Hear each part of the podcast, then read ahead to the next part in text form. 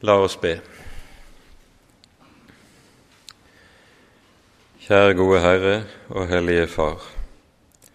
Vi takker og lover deg at du har samlet oss om ditt hellige og om ditt dyrebare ord.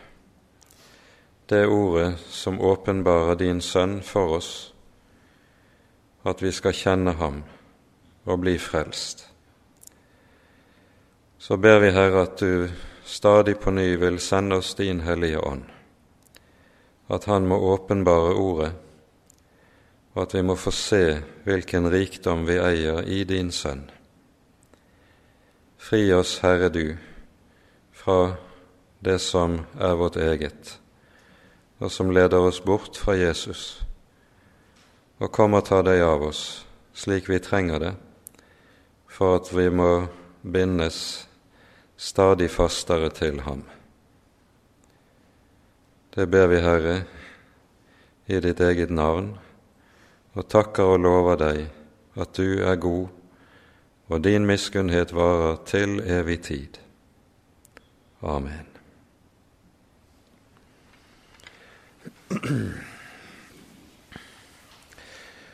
Ordene som eh, altså står som overskrift over denne timen, det er eh, ord som vi altså møter i eh, Som omkranser, så å si, kjerneverset som har satt eller anslått temaet for bibeltimene vi har hatt. Før det 30. verset hører vi i vers 29 at det sies følgende:" for at intet kjød skal rose seg for Gud. Og så i verset efter for at, som skrevet står, den som roser seg, han roser seg i Herren. Og Så er det da slik at vi finner to 'for at' i disse versene for at, som beskriver det som er Guds hensikt når Han har valgt å åpenbare seg på denne måten. Han virkeliggjør disse for at gjennom å sende sin sønn, la ham korsfeste og lide døden i vårt sted, og legge hele sin nådes rikdom inn i ham, slik at vi i ham har og eier alt vi trenger til liv og til salighet. For at intet kjød skal rose seg, for at som skrevet står, den som roser seg, han roser seg i Herren. I eh, Salme 115 hører vi det sies innledningsvis slik.: Ikke oss, Herre, ikke oss, men ditt navn gi du ære, for din miskunnhets og for din trofasthets skyld. Denne salmen hørte jo med til eh, det som ble sunget under hver av de store valfartshøytidene i Israel. Da sang eh, Israels folk Salme 113 til og med Salme 118. Så disse salmene var salmer som folket var dypt fortrolige med i det de lød ved alle de store høytider der folket samlet seg for Herrens ansikt. Og så lyder det her altså ikke oss, Herre, ikke oss, men ditt navn gi du ære, for din miskunnhets og for din trofasthets skyld. Så hører vi i de neste versene i denne salmen hvorledes avgudenes og avguderiets dårskap eh, settes fingeren på, hvorpå det lyder i tre vers. Israels hus, stol på Herren. Arons hus, stol på Herren. dere som frykter Herren, stol på Herren. For her er jo saken den og sammenhengen den at der mennesket stoler på seg selv, der er det også slik at mennesket søker sin egen ære. Det mennesket som stoler på seg selv, det søker ikke Herrens ære. Men det folk som setter sin lit til Herren, det vet hvem de har å bygge på, hva de har å bygge på, hva som holder og hva som bærer, og det vet om seg selv. Det er intet av det som hører meg til, og som mitt er, som duger eller som bærer. I første Korinterbrev, når eh, vi hører Paulus skriver som han gjør, for at intet kjød skal rose seg, så står det som avsluttende ord på et avsnitt der Paulus peker på hvem det er Herren har utvalgt. Han har, sies det, ifra vers 26 her i 1. Korinterbrev 1. Brødre, legg merke til det kall dere fikk. Ikke mange vise etter kjødet ble kalt, ikke mange mektige, ikke mange av høy ett. Men det som var dåraktig i verden, det utvalgte Gud seg for å gjøre de vise til skamme. Det som var svakt i verden, det utvalgte Gud seg for å gjøre det sterke til skamme. Det som er lavt i verden, det som er foraktet, det utvalgte Gud seg, det som ingenting er, for å gjøre til intet det som er noe. Og så kommer det for at intet kjød skal rose seg for Gud. Saken er jo nemlig den at der mennesket er noe, der mennesket begynner å bli stort, der begynner også mennesket å rose seg for Gud. Og det er vel en åndelig lov også at der mennesket blir stor, der blir Gud liten. Han blir en som man kan uh, spille fotball med, å leke med, en som man overhodet ikke behøver å ag, ha age for eller respekt for. Der mennesket blir stort, der blir Gud alltid liten. Og så har Gud dermed gjort det valg at han forkaster, han vraker og diskvalifiserer i sitt rike alt som er stort, alt som er høyt. Jesus sier det så radikalt i Lukasevangeliet. Vi leser i Lukas 16, i det 15. verset, at han sier det som er stort i menneskers øyne, er en vederstyggelighet i Guds øyne. Det er et voldsomt ord, og det er et ord vi ikke hører veldig hyppig tale om.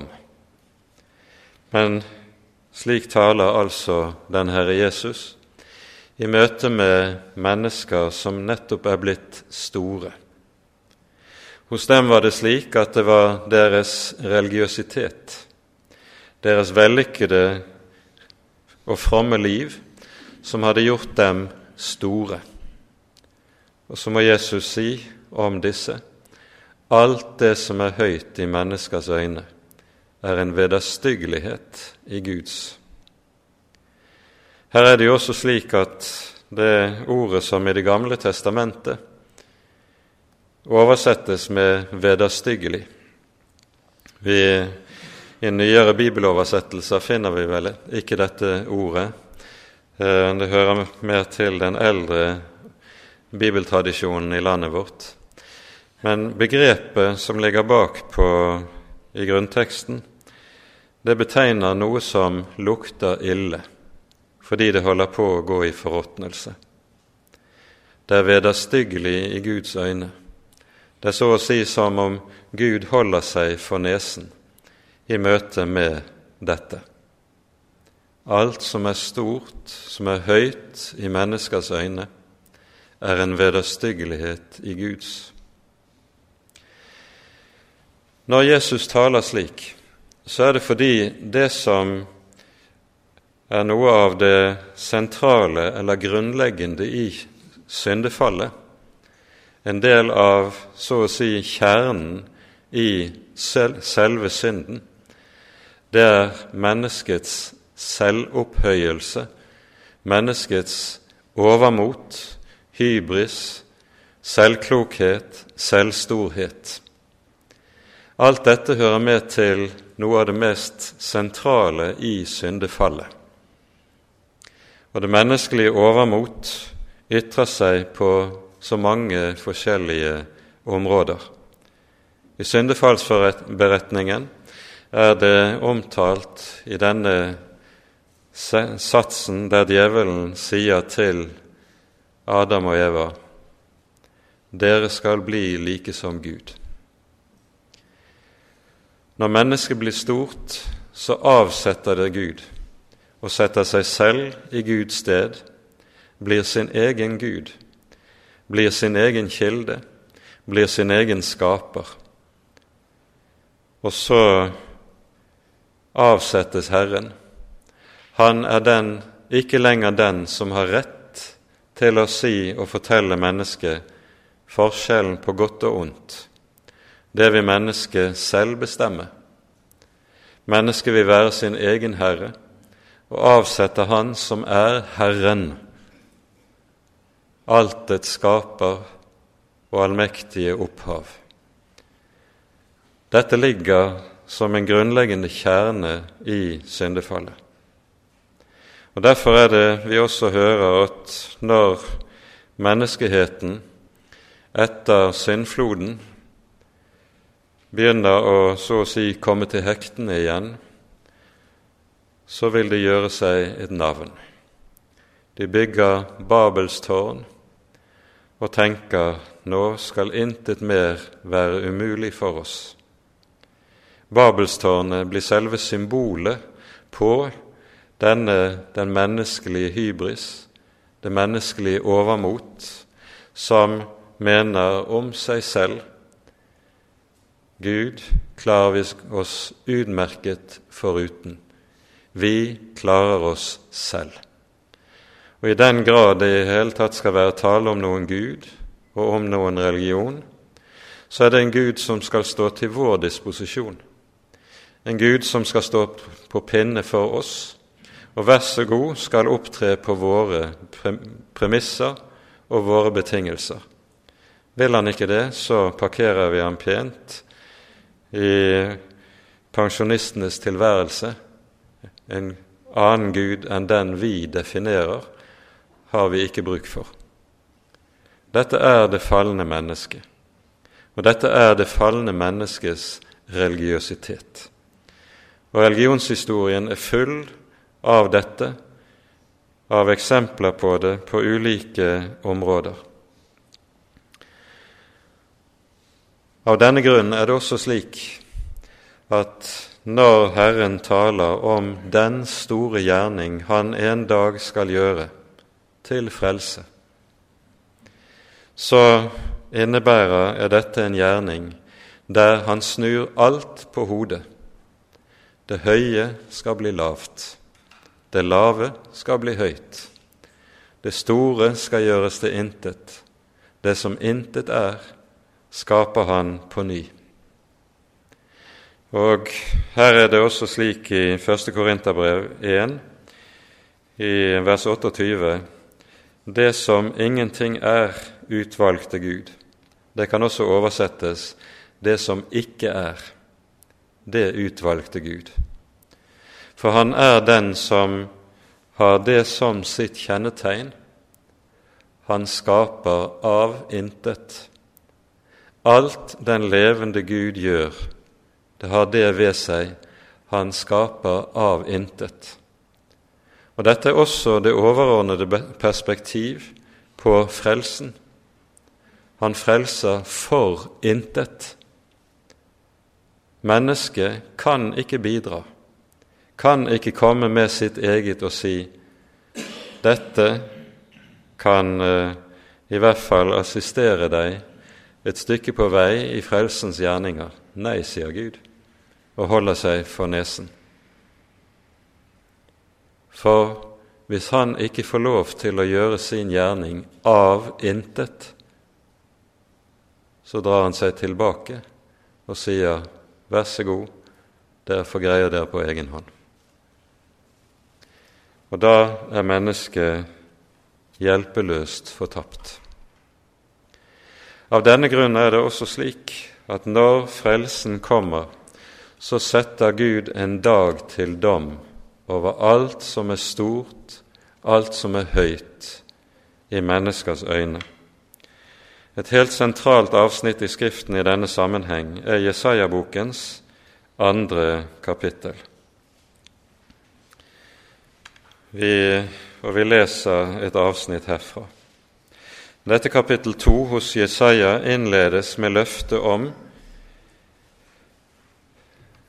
hva som skal skje i den siste tid, i frelsens tid. Det vi hører det står det skal skje i de siste dager. Da skal fjellet der Herrens hus står, være grunnfestet på toppen av fjellene, høyt hevet over alle høyder og alle hedningefolk skal strømme til det. Mange folkeslag skal gå av sted og si, Kom, la oss gå opp til Herrens berg, til Jakobs Guds hus, så han kan lære oss sine veier, og vi vandre på hans stier. For fra Sion skal lov utgå, og Herrens ord fra Jerusalem. Det lave skal bli høyt det er jo slik i naturen at det fjell der Sion ligger, er ikke noe særlig høyt fjell om du sammenligner det med andre fjell rundt om i verden. Enten du nå går til Alpene eller du går til den norske Jotunheimen. Jerusalems fjell er ganske lavt av naturen. Men nå skal dette bli høyere enn alle de andre fjell? Herren skal gjøre det som er lavt, høyt. Og så kommer det lenger ute i samme kapittelet. Vi leser fra vers 11. Menneskets stolte øyne blir ydmyket, mennenes stolthet blir bøyet, og Herren alene er høy på den dag. For Herren, herskarenes Gud, har satt en dag til dom over alt stolt og høyt, over alt opphøyet så det blir ydmyket, både over alle Libanons sedrer, de høye og de opphøyede, over alle Basans eker, over alle høye fjell og alle stolte høyder, osv. Og, og så kommer det på slutten av kapittelet På den dag skal menneskene kaste sine guder av sølv og gull som de har laget seg for å tilbe, bort til muldvarp og flaggermus.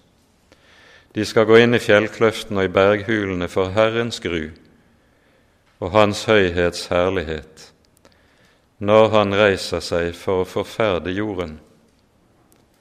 Hold da opp med å stole på mennesket, som bare har en pust i sin nese hva er han å regne for?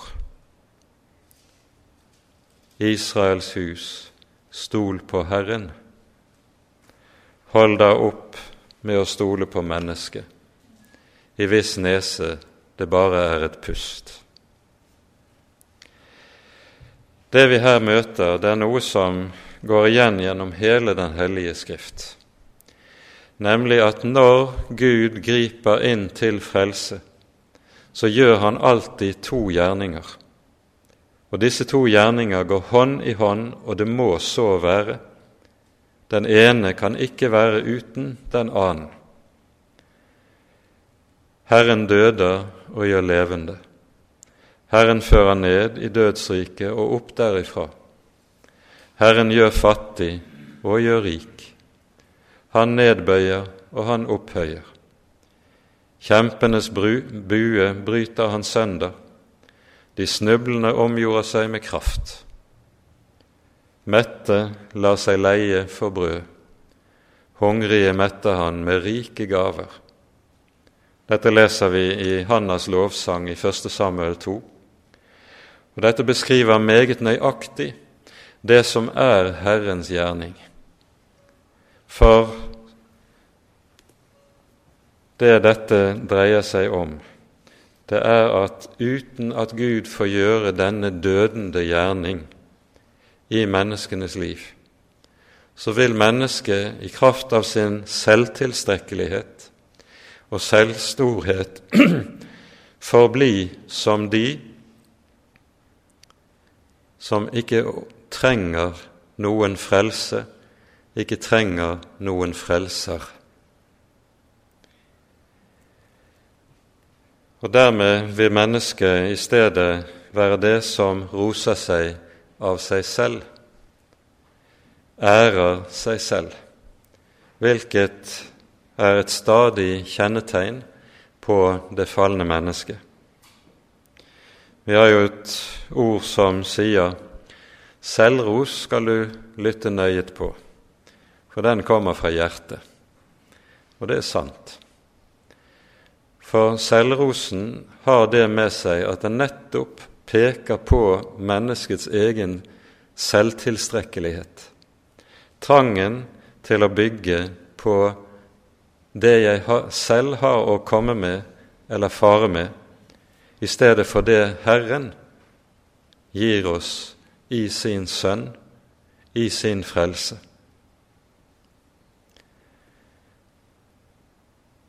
Skal Herren slippe til, så kan det umulig skje uten at han får gjøre denne dødende gjerning som vi her taler om. Han bruker ulike redskaper i dette sitt arbeid. De to hovedredskapene han anvender, det er for det første sin hellige lov.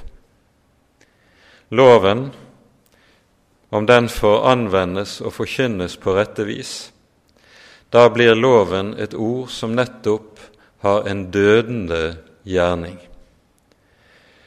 Det dødende i lovens gjerning, det består i at den avslører menneskets synd, avslører hvem jeg er, inntil grunnen, inntil avgrunnen i mitt eget hjerte.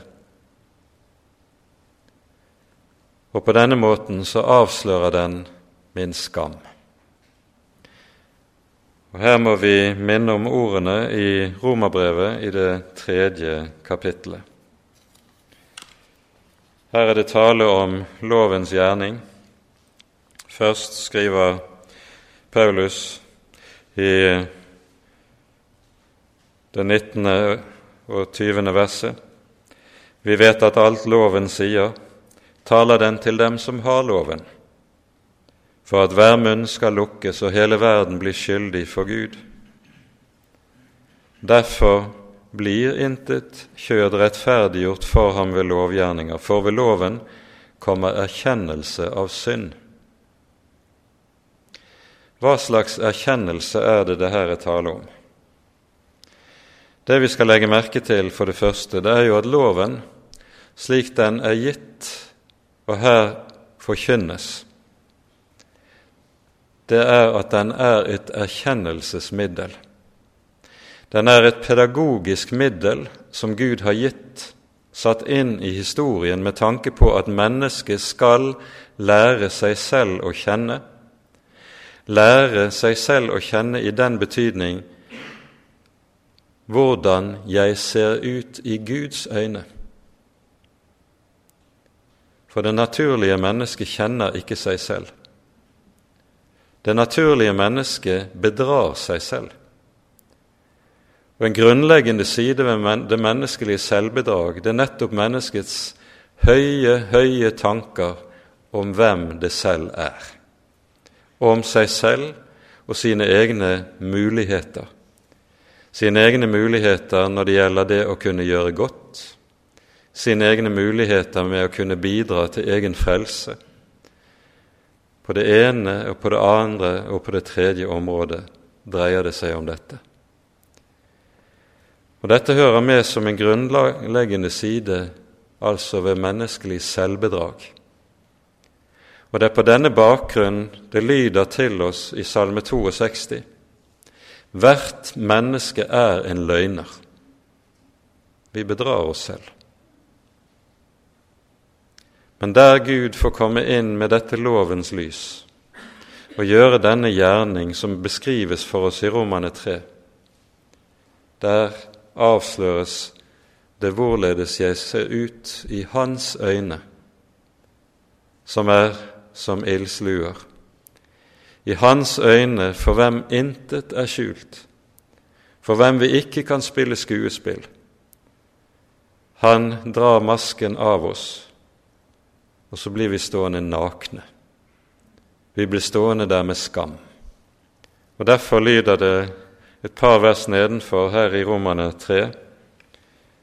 Alle har syndet og mangler Guds herlighet, eller som det sto i den gamle oversettelsen, står uten ære for Gud.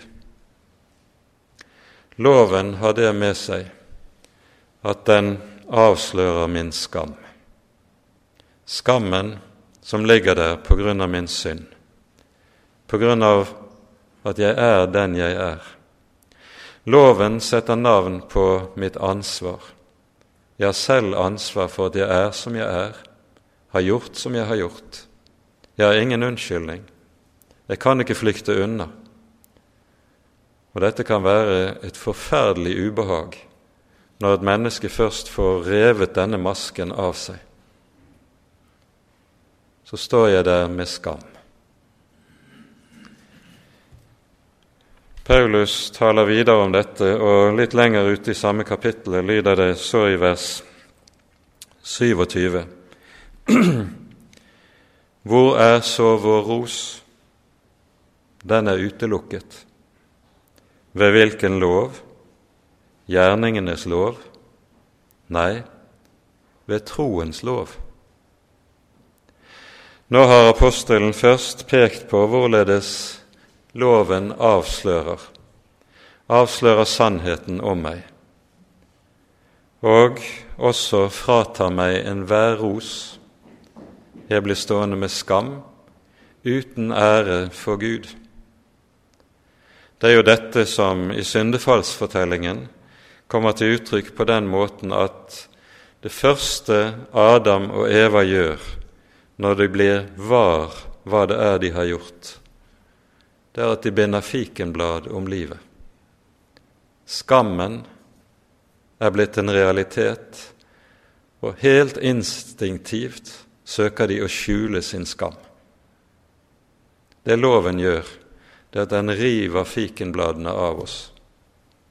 Vi har ikke noe lenger å skjule vår skam overfor Gud med. Hvor er så vår ros? Den er utelukket. Sannelig, loven utelukker all ros hos oss. Så står vi for Gud med skam. Men så føyes det da til her i det 27. verset Hvor er så vår ros? Den er utelukket. Ved hvilken lov? Gjerningenes? Nei, ved troens lov. Og Det Paulus da har i tanke, det er at når Gud gir sin frelse, rettferdiggjør syndere, sletter ut all skyld og gjør et, en synder til sitt barn, så skjer det ene og alene ved, ved noe en annen person har gjort. Ikke ved noe du og jeg gjør eller kan gjøre eller bidra med, det er noe en annen gjør. Uavhengig av meg, utenfor meg, gjør han alt ferdig. Så er det han som gjør dette ferdig som skal ha, sin, ha ros. Han tilhører æren, ikke meg.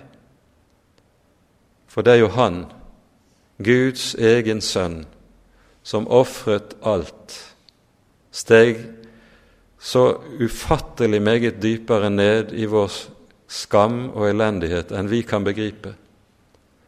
Ham tilhører æren. Ham tilhører all ros, fordi han har gjort alt alene. Uten vår hjelp, uten vår bistand, uten noe bidrag fra vår hånd. Hvor er så vår ros? Den er utelukket, for den hører Jesus til, ham alene. Og Derfor er det slik også at der mennesket prøver å komme inn med sitt eget i det som har med frelsens sak og Guds rikes saker å gjøre, der berøver en Jesus Kristus den ære som tilkommer ham alene.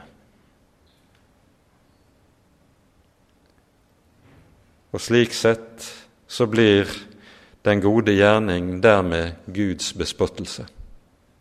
Intet mindre og intet annet.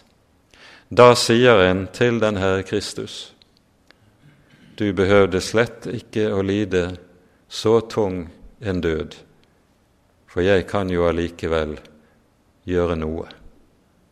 En sier dypest sett at det du gjorde på korset, var ikke strengt nødvendig.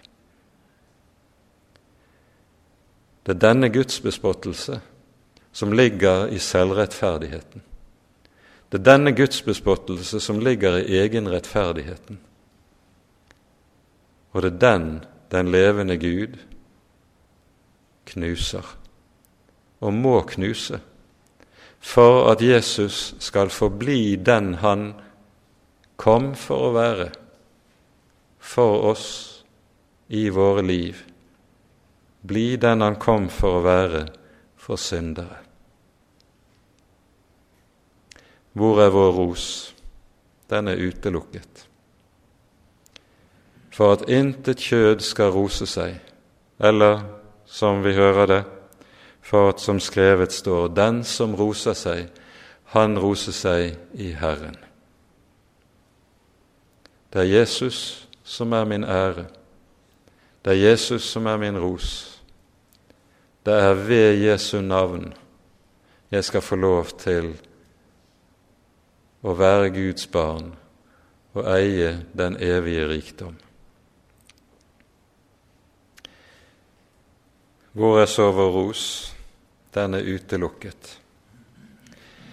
Loven ødelegger vår ros, vår selvros og vår selvstorhet. Men så forteller Skriften det forunderlige til oss, og som vi kan høre i Hebreabrevet i det andre kapittelet.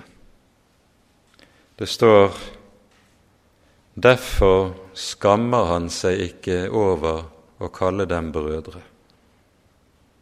Tenk det. Du og jeg har intet annet å by den levende Gud enn skam. Synd, urettferdighet, overtredelser, svikt, halvhet og troløshet. Vi har intet annet å komme med. Og så står det underlig nok han skammer seg ikke over å kalle oss brødre. Vi vil jo gjerne være sammen med folk som vi kunne være stolt av å være sammen med. Hvordan kan Jesus være stolt av å være sammen med slike som ikke har annet enn skam? Men så skjer dette uforunderlige. Han kommer nettopp for å være synderes venn. Og så står fariseerne der og peker på han med sitt anstøt og sier:" Se, deres mester eter sammen med tollere og syndere. Som en veldig anklage. Men nettopp det var det Jesus kom for å gjøre. Han skammet seg ikke over å kalle slike for brødre. Og så kommer det inn i denne sammenhengen et forunderlig vers i Salme 84. Her står det Herren gir nåde og ære. Det er veldig underlig at disse to saker kobles sammen. I menneskets verden er det jo gjerne slik at det å få nåde det oppfattes som noe ydmykende. Men her, når Herren får lov til å komme og gi og rekke syndere sin nåde, så er dette ikke noe som ydmyker, men det er tvert om noe som gir ære.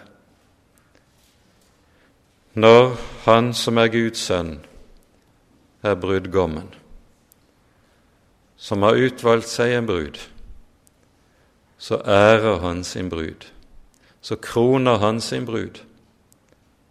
Og det lyder han skammer seg ikke over å kalle dem brødre.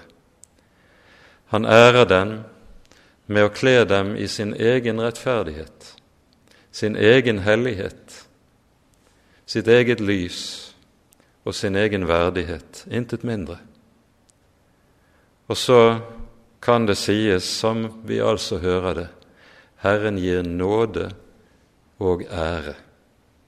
På forunderlig vis knyttes altså disse to saker sammen.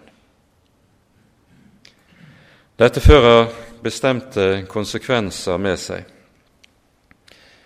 For det første har det den konsekvens at når en kristen taler om seg selv og sitt eget liv, så må han tale slik som vi hører om det i Lukasevangeliet i det 17. kapittel.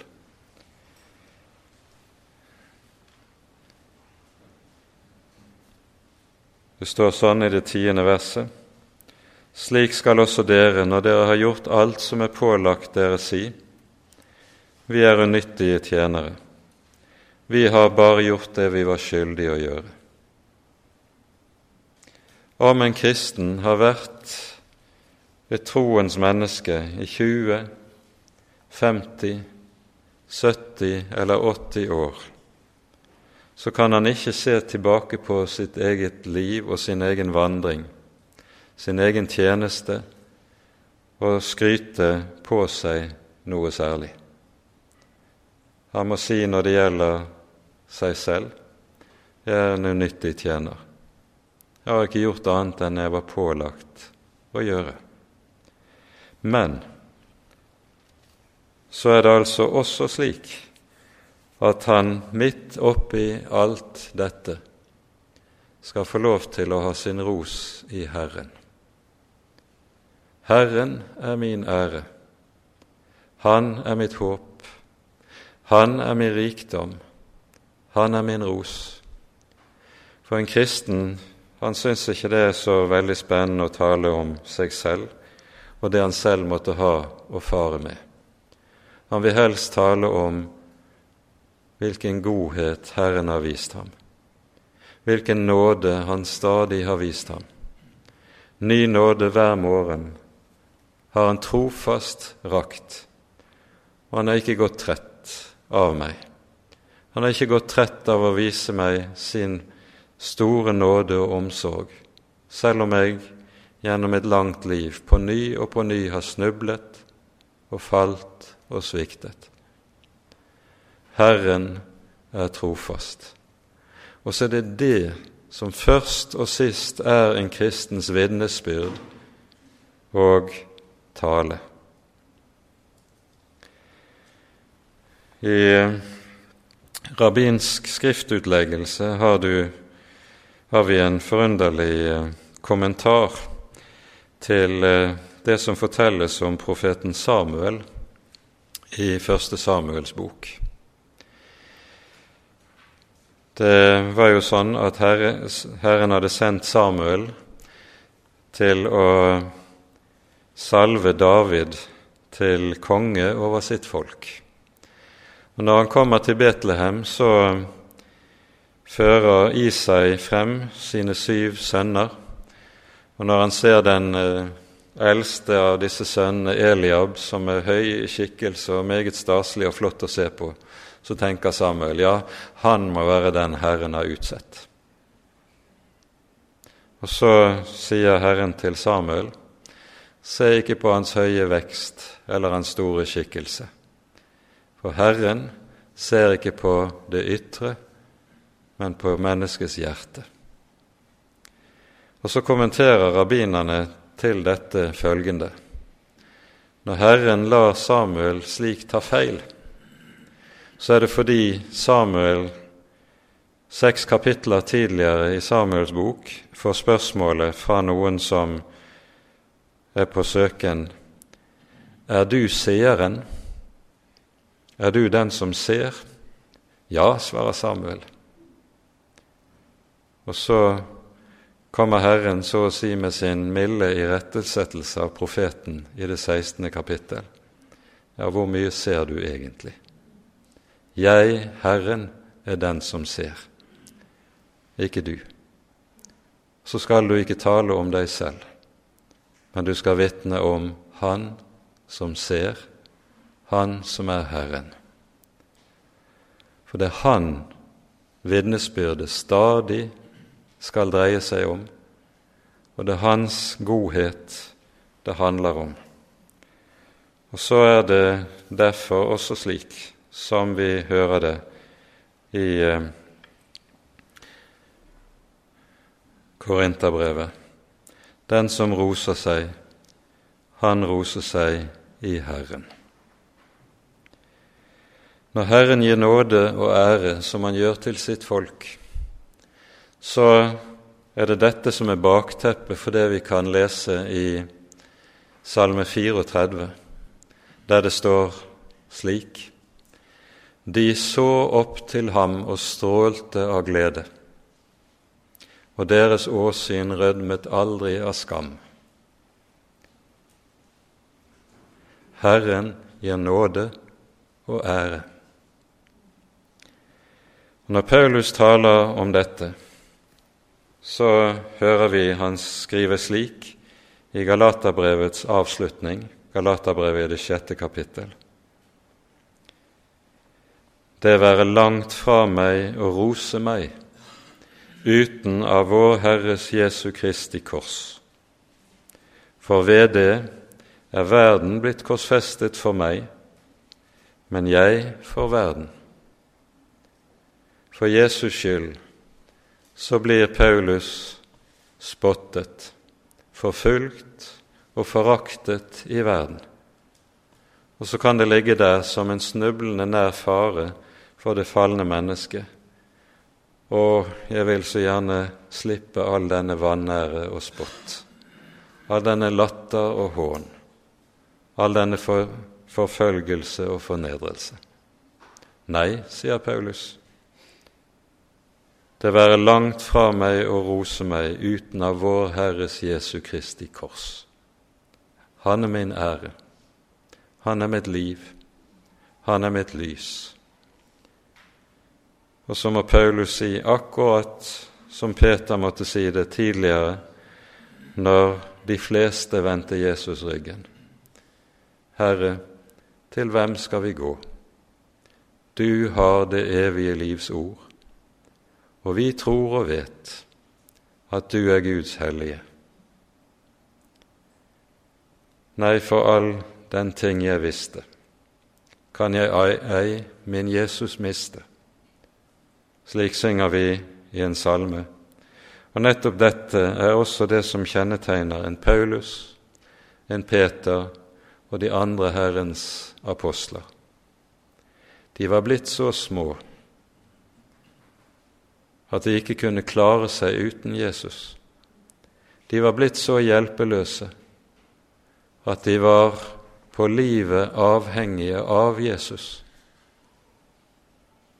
Og denne litenhet og hjelpeløshet, den har nok slett ikke føltes godt alltid.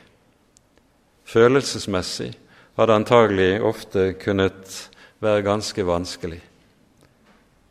Men hjelpeløsheten drev dem tilbake til Jesus, inn til Jesus, på ny og på ny, for at intet kjød skal rose seg, men den som roser seg, skal rose seg i Herren.